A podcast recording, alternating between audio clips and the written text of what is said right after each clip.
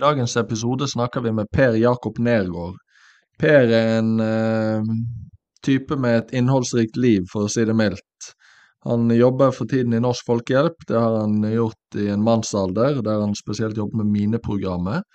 Han har vært FN-soldat i Libanon, han har uh, jobbet uh, under tsunamien i Thailand, og han er bodyguard i Penthouse Playboys, og han har eh, hatt lunsj med en meget prominent prinsesse. Håper du eh, hører på denne her, for den er absolutt interessant. Per, hva du tenker om folk som knoter? Det er vel absolutt noe av det aller verste jeg vet om. Folk som er kjipe med penger, og folk som, som knoter, det rangerer jeg likt. Ja. Jeg pleier av og til å tøyse når jeg treffer folk fra nord, folk jeg kjenner fra barndommen, fra Narvik. Så jeg treffer dem i Oslo, så later jeg som har lagt om. Liksom. Hei gutter, hvordan går det? Og de blir helt sjokkert. Det liker jeg å gjøre. Men knoting, døden. ja. Støttes. Du har vært eh, soldat i FN. Ja. Hvordan eh, kom det i stand? Nei, Altså, når jeg var ferdig med videregående i min ungdom for 1000 år siden, så hadde jeg en fast slu plan på at jeg skulle bli yrkesmilitær. Så jeg tok en befalsskole for infanteriet på Kongsberg i 82.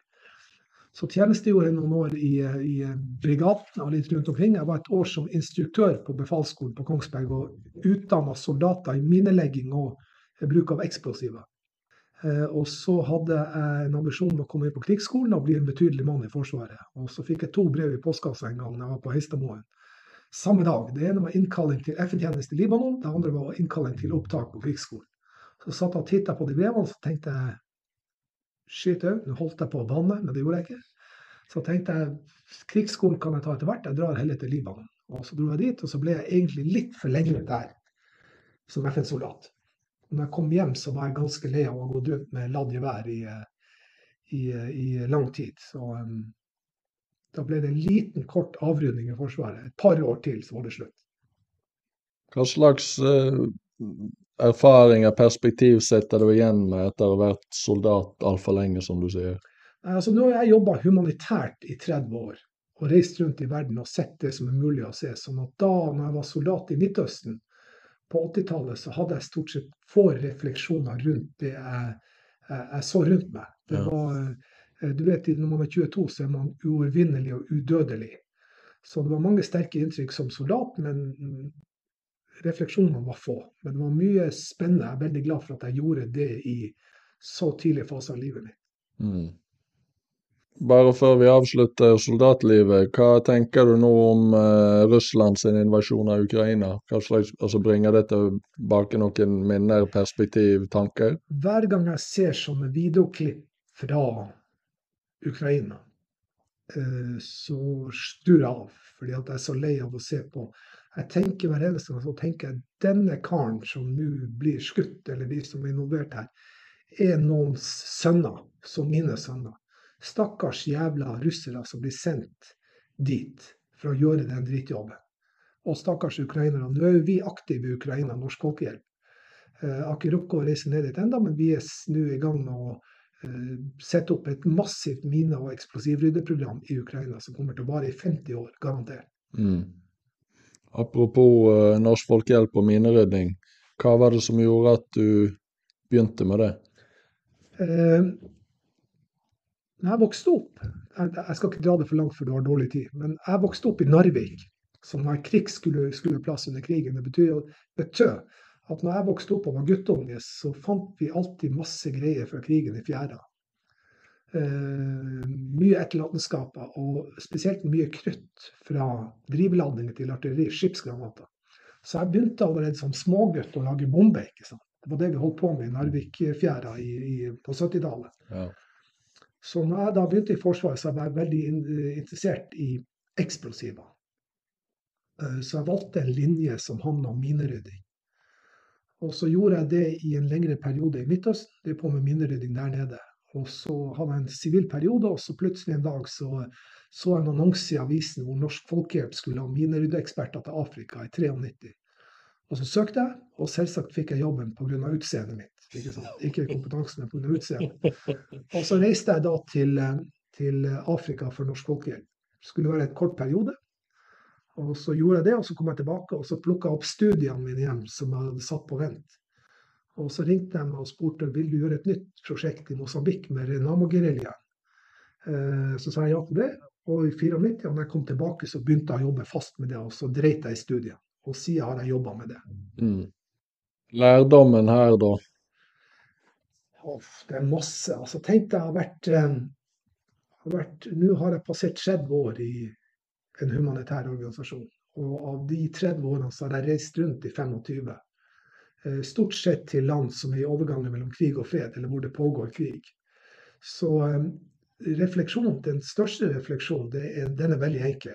Alexander, det er det at vi er sykt, som ungdommen sier, heldige som bor i Norge. Ja.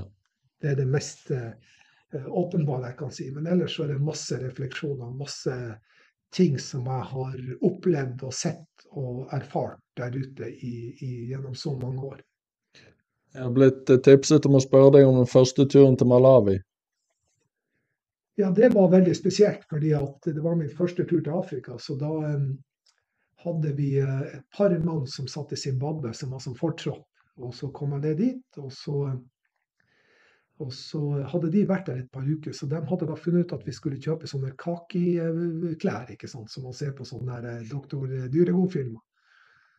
Så da trodde jeg at det skulle være sånn, så da kjøpte vi kakeklær. Og så hadde vi sånne blå skjorter med norsk flagg og Norsk Folkehjelp på. Og så var det av en eller annen grunn en fjottete sånn der hatt med sånn leopardskinnmønster på rundt.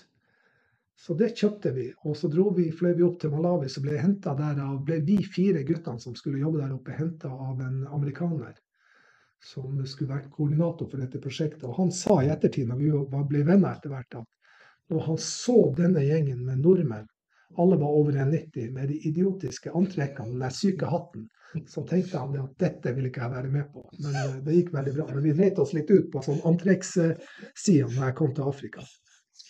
Uff. Du har jobbet med dette i 30 år, sier du. Mm. Er det ting blitt bedre?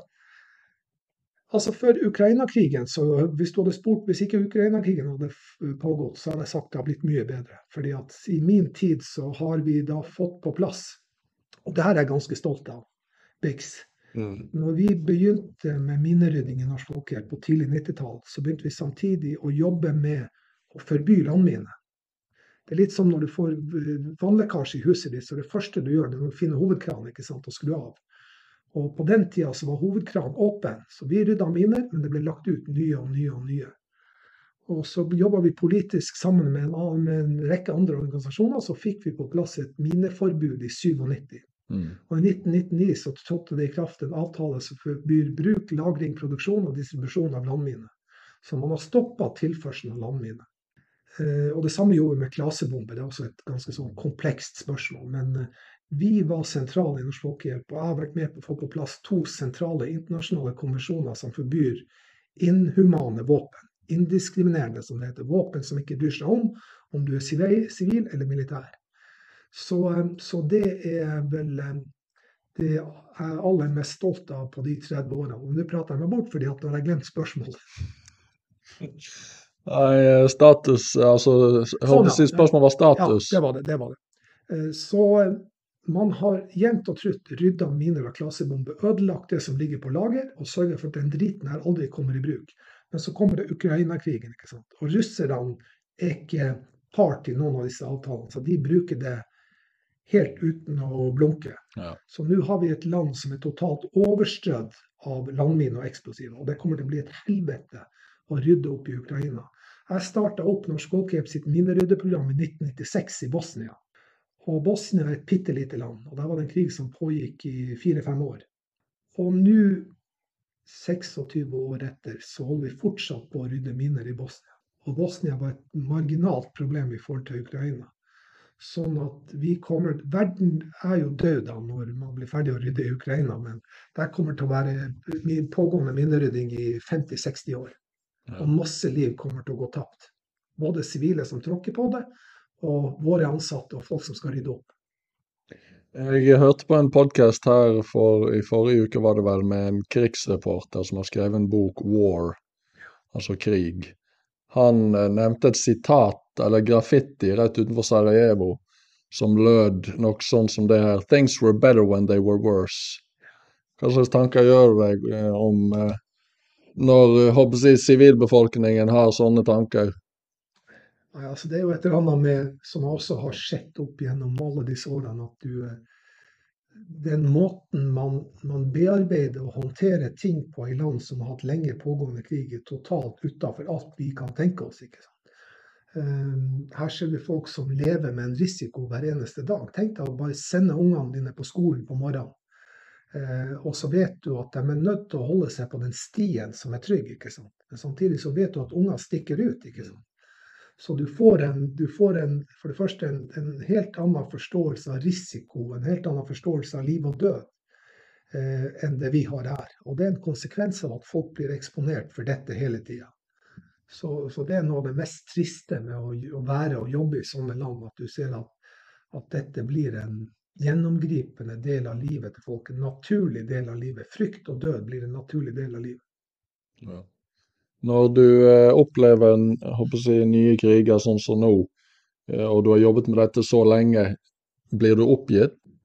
Ja, altså Når det gjelder den mineryddebiten som jeg har holdt på med lengst i min jeg holdt å si karriere, men det er jo ikke noe karriere, mitt arbeidsliv, så er det ganske sånn utmattende å si at man begynner på'n igjen. Men eh, jeg trodde jo for mange år siden at dette skulle være kort, eh, en kort intervensjon for meg i et problemområde som, som, må ta slutt. Men det tar jo aldri slutt. Så, så, at denne krigen starta i Ukraina, at vi er tilbake til Jeg er såpass gammel at jeg husker jo den kalde krigen. ikke sant, Når vi på skolen øvde på å gå i tilfluktsrom. Og, og så husker jeg når, når, jeg ble stor og begynte voksen og begynte, fikk egne barn, så begynte jeg å tenke på det der hvor redd foreldrene mine var, må ha vært under Cuba-krisen i 62, ikke sant? hvor verden var på, på randen av en atomkatastrofe. Hvor redd de måtte ha vært. Ja. Og de hadde jo tilgang til veldig lite informasjon i forhold til det vi har. Men nå er vi litt på samme sted. ikke sant? Nå er jeg også der hvor jeg er redd for hvordan det skal gå med verden. Og det er ganske dumt at vi er kommet dit. Du har jo reist rundt mye og kommunisert med folk for å få til alle de tingene du allerede har nevnt, og sikkert snakket med masse politikere. Hvordan opplever du å snakke med de?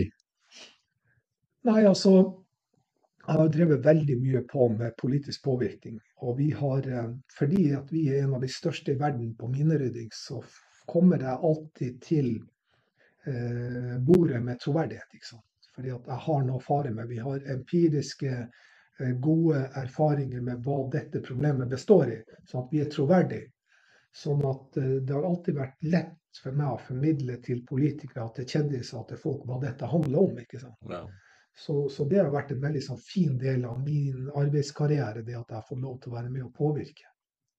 Hva slags eh, erfaringer har du gjort deg med å snakke såpass mye med folk som sitter på ja, makt, og, og, og, hva slags eh, endringer har du gjort i fremgangsmåte, teknikker, for å, for, for å, få mest mulig gjennomslag? Nei, altså, Det er jo det, det som jeg ofte prøver å referere til når noen spør meg noe i nærheten av det du spør, det er å, å fortelle folk hvor nært vi sitter makta i Norge i forhold til andre land. Når jeg møter internasjonale, altså venner internasjonalt som jobber politisk, og de hører at vi faktisk kan ringe til en statssekretær eller til en minister og få dem i tale, så blir det jo helt himmelfallen. Mm. Så i Norge er det vårt oppsett, de strukturene, organisatoriske strukturene i Norge, er sånn at du, du får tilgang, det er transparent, det er, det er åpenhet, det er og det er det veldig lite av i veldig mange andre land.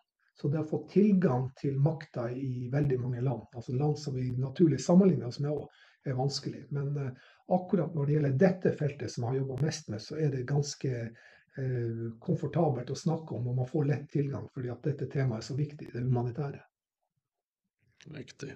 Kan du si litt om um, den jobben du gjorde under tsunamien i Thailand? Ja, altså, den der tsunamihistorien, den, den er ganske spesiell. Fordi at den inntraff når jeg hadde min beste venn på Kaolak. Så jeg fikk tidlig høre at eh, han og familien var i frontlinja. Han var truffet. Min kone jobba da på Kripos, så hun ble kjapt kalt inn for å begynne å registrere savna-personer oppe på Kripos. Og jeg hadde da ansvaret for å organisere opp vårt nødhjelp eh, i forhold til tsunamien. Så hadde jeg sånn tre dimensjoner. Kompisen min eh, hadde 900 mineryddere på Sri Lanka, som også ble hardt ramma. Som slutta å være mineryddere over natta, og som plutselig ble nødhjelpsarbeidere istedenfor. Mm. Så det var tungt å organisere og massevis av armer og bein.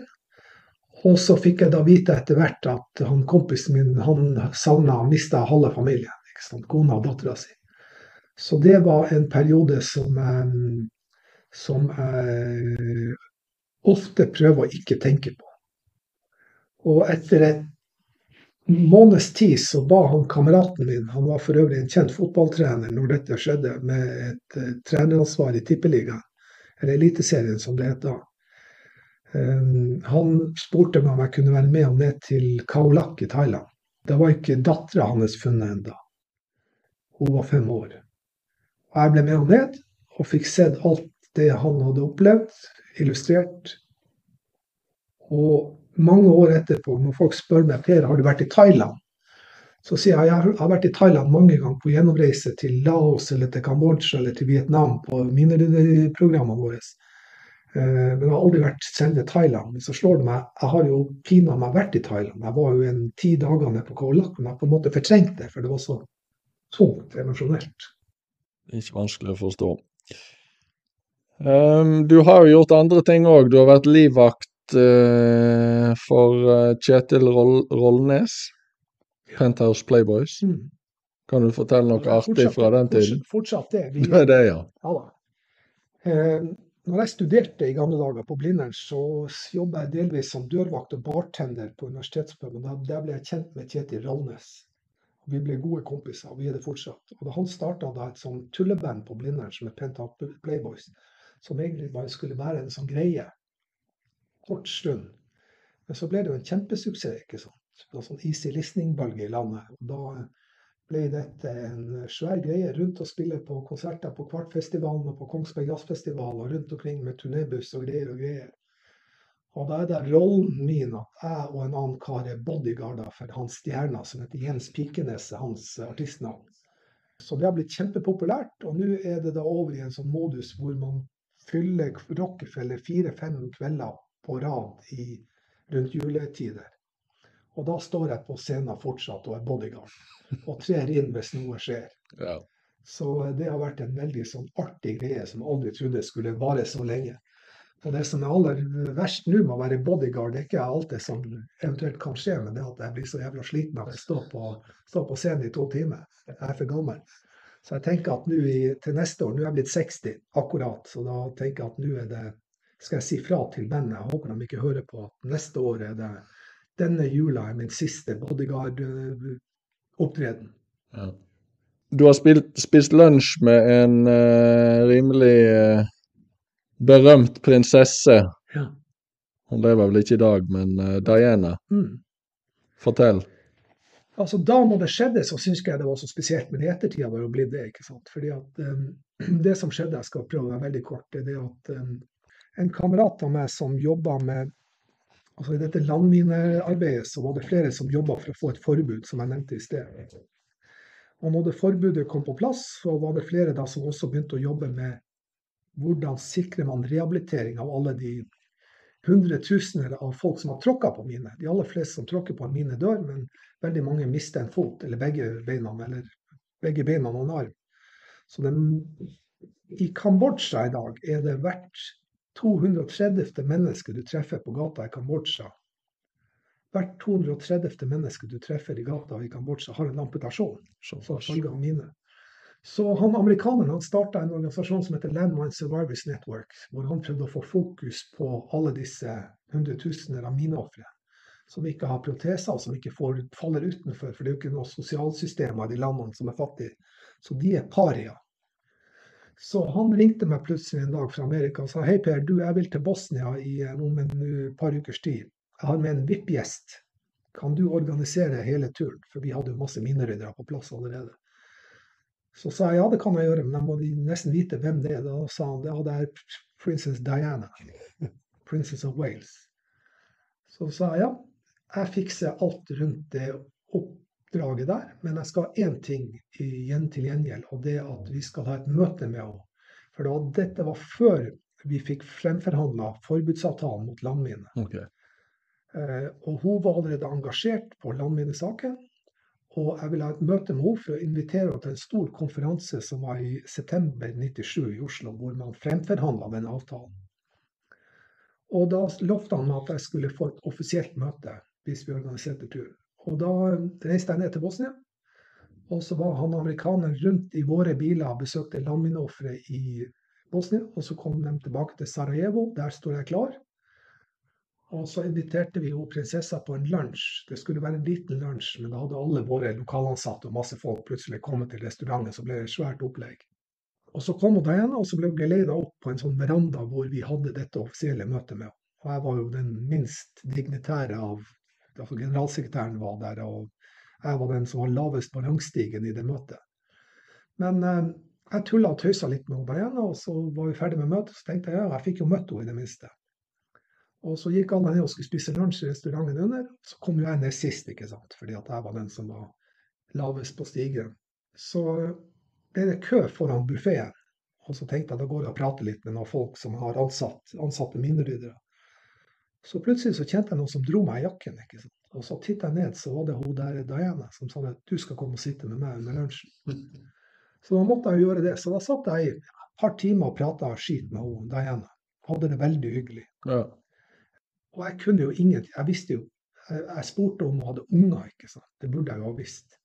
Så jeg tror at hun syntes det var befriende å snakke med en tulling fra Nord-Norge som ga blaffen i eh, etikette og alt det der. Så eh, vi satt og tulla og tøysa lenge. Jeg spurte henne bl.a. fordi hun, vi fikk jo vin til lunsjen, ikke sant. Men hun bare satt bort alt hun fikk.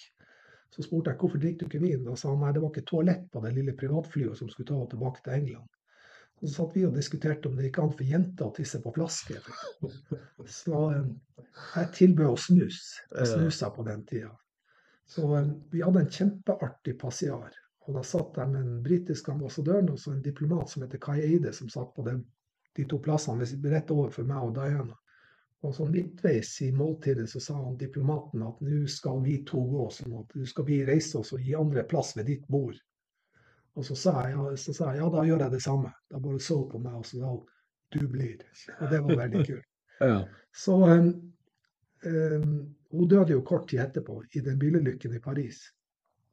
Men det er jeg helt sikker på at hvis hun, hun hadde overlevd Vi fikk vite at hun ville komme til Oslo, hadde bestemt seg for å komme på det møtet som vi inviterte henne til. Og da hadde vi fått en Vi hadde en ny Vi hadde jobba sammen med Minneforbudet. Vi hadde fått en relasjon. Vi fikk så god kontakt. Artig. Men vi kan ikke unngå å prate litt om fotball. Nei. Hva er ditt forhold til det? Altså, i min, jeg var på din alder, når jeg var ung på din alder, så var jeg skiløper. Jeg var ikke noe særlig fotballspiller. Jeg har jo fortsatt en trikserekord på 11 på Ullernbanen. Nei, på Rødbanen, faktisk. Ja. Med spissko. Så jeg var skiløper, så jeg var aldri noe særlig interessert i fotball. Jeg var interessert, men uh, spilte lite fram til 14, kanskje. Men så fikk jeg jo to sønner, da, vet du. En 97-er og en 01-er. Så da han største gutten min begynte å spille fotball, så ble jo jeg sånn der eh, fotballpappa. De luxe, ikke sant. Han begynte i Øvrevoll Hosle. Så da var jeg lagleder, jeg var trener, jeg var, var um, sportslig utvalg, jeg var banesjef. Jeg har faktisk mokka Jarmyra her borte. Såpass. To ganger i påsken har jeg stått alene og mokka Jarmyra tom for snø med spade. Uh, den tida i Øvre Hosle så hadde vi et veldig bra fotballag, 97-ere. Vi hadde bl.a. en landslagsspiller som kommer derfra, Andreas Hanke Olsen. Ja. Så det er jo litt kult. Og så når han da eldste min begynte på NTG, så bytta han klubb, og så gikk han til Asker. Og så ble jeg lagleder der. Og da hadde jeg blant annet at du skryter av sånne landslagsspiller, Jeg hadde Sander Berge var da på G19 etterkretslaget til, til Asker når jeg var lagleder der. Det var litt kult, da han gutten min han var 16, så var han veldig god. Da skåra han masse mål på gutter 19 interkrets for Asker. Og så ble han plukka opp på A-laget til Asker, som da spilte i andredivisjon. Og på første trening så dro han korsbånd og menisk. Og så ble egentlig hans fotballkarriere ganske ødelagt der og da. Ja. Og så etter hvert så gikk han videre til Reddy.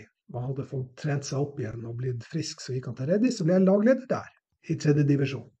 Og samtidig så spilte 01-gutten min i Røa, så da hadde jeg også roller i Røa. Røa og Reddy parallelt. Og så hadde han størstegutten min, han Torvald som han het, hadde en veldig bra sesong i 2019. Han fikk egentlig bare to sesonger skadefri fra han var 16 til 24. Resten var kneoperasjoner. Mm. Så 19. sesongen så gjorde han det veldig, veldig bra, og så ble han eh, henta av en agent som solgte han inn til Kjelsås. Og så begynte han å spille i Kjelsås, og så gikk kneet hans til helvete igjen. Og så trente han seg opp, og så ringte Didrik Bjella han og spurte om han kunne komme til Ullern. Og så kom han til Ullern, og så ringte Bjella meg og spurte om jeg kunne bli lagleder i Ullern. Så da var jeg lagleder i Ullern i nesten to sesonger. Ja. Og sønnen min etter kort tid i Ullern, så gikk kneet igjen. Ny meniskoperasjon. Så han fikk nesten ikke spilt med i Ullern. Og så endte det jo dessverre med at han bare måtte kaste inn håndkleet når den femte meniskoperasjonen kom. Ja. Og det var veldig trist for meg, fordi at um, det er så artig å holde på med fotball. Treffe sånne tullinger som deg rundt omkring. Uh, og bli kjent med folk og være med på noen av de fineste opplevelsene jeg har, er med fotballen, faktisk. Det året, jeg hadde, det året vi rykka opp med Ullern, selv om sønnen min ikke spilte og var skada, så var det en fantastisk opplevelse å være rundt med Ullern i den fasen hvor vi hadde det drivet. Hvor Ja. vant alle kampene og var overlegen. Noen av mine fineste opplevelser er definitivt med fotball. Og nå når han eldste la opp, så trodde jeg det at nå er det pinadø være slutt. Endelig, nå kan jeg legge meg på sofaen istedenfor å spurte rundt og holde på med drakter og utstyr og kjegle og kampendringer og dommere og drit. Så ringte de meg her i Nå er det vår. I vinter så ringte de fra Øvrevoll, Oslo og spurte om jeg kunne komme på et foreldremøte rundt A-laget deres, hvor min yngste sønn spiller i sjette divisjon. Så klarer jeg jo ikke å si nei, ikke sant. Så tenkte jeg jeg kan dra på et foreldremøte, så kan jeg sitte helt bakerst, og så kan jeg gjemme meg. Og hvis de trenger noe hjelp på et arrangement, så kan jeg rekke opp hånda. Men det var jo tre stykker på det foreldre- foreldremøtet. Så da kom jeg ut derfra, så var jeg pinadø blitt lagleder igjen for Øhild MSA i sjette divisjon. Ja. Og i dag har vi match klokka 20.15 mot Grei 2. Så da er det opp på um, Hoslebanen klokka sju og begynne å gjøre klart med drakter og utstyr og bane og vanningsanlegg og alt det der. Og ikke hjemme før klokka 11 i kveld. Du er en driftig fyr. Ja, altså det har jo, det jo gitt meg utrolig mye, ikke sant. Alle de folkene. Jeg, jeg, jeg har Nå skal jeg ikke skryte av Ullern bare for jeg er på podkast med deg, men har to klubber hvor jeg virkelig har følt at dette gir mening, og at det er gode systemer, gode strukturer og hyggelige folk. Og det er Reddy, og så er det Ullern. Mm. Eh, Reddy hadde jeg en kjempeopplevelse i, men det, alt handler jo om, altså det handler jo stort sett om folkene. For klubben er den samme. Hvis de folkene ikke er på frekvens eller responsiv eller hyggelig, så blir det ikke så hyggelig. Nei. Men i Ullern og i Reddy så har jeg hatt de fineste opplevelsene som fotballagleder eh, administrasjonsmessig. Det er godt å høre. Det savner, jeg savner den tida med, med Ullern, det må jeg si. Med tanke på det du uh, sier her, så passer det å avslutte med et spørsmål jeg stiller til alle som er gjester, eh, og det er hva er meningen med livet? Ifølge deg. Nei, altså, jeg klarer ikke å besvare det, men det jeg i hvert fall har klart å formulere for meg sjøl, det er Og her er vi litt tilbake til grunnen til at jeg har involvert meg med, på fotball med ungene mine. Det er det at jeg bestemte Når jeg skjønte, når jeg fikk egne barn, hvor fint det var å ha egne barn, så bestemte jeg meg tidlig for at jeg skal være en pappa som er der hele tida. Jeg skal ikke pushe ungene mine for at de skal bli eh, proff i Barcelona, eller noe sånt, men jeg skal i hvert fall ikke bli en sånn pappa som sitter på gamlehjemmet og sier at, at um, jeg angrer på at jeg ikke brukte mer tid med ungene mine. Det ser du jo ofte i sånne der, eh, anketter i Dagens Næringsliv når jeg spør hva har du på nattbordet, og hva angrer du mest på. De aller fleste svarer at de angrer at de ikke brukte mer tid med unger. Så um, svaret mitt blir at jeg har uh, hatt og har veldig fine opplevelser med familien min. Og der er kjernekakesvaret på kakespørsmålet for meg. Mm. Takk for praten, Per, og lykke til på kamp i kveld. Takk skal du ha. Tusen takk for at du hørte på Bendixen Airways. Dersom du har tips, kommentarer eller vil gi en vurdering av episoden, så gjør gjerne det. Det setter jeg stor pris på.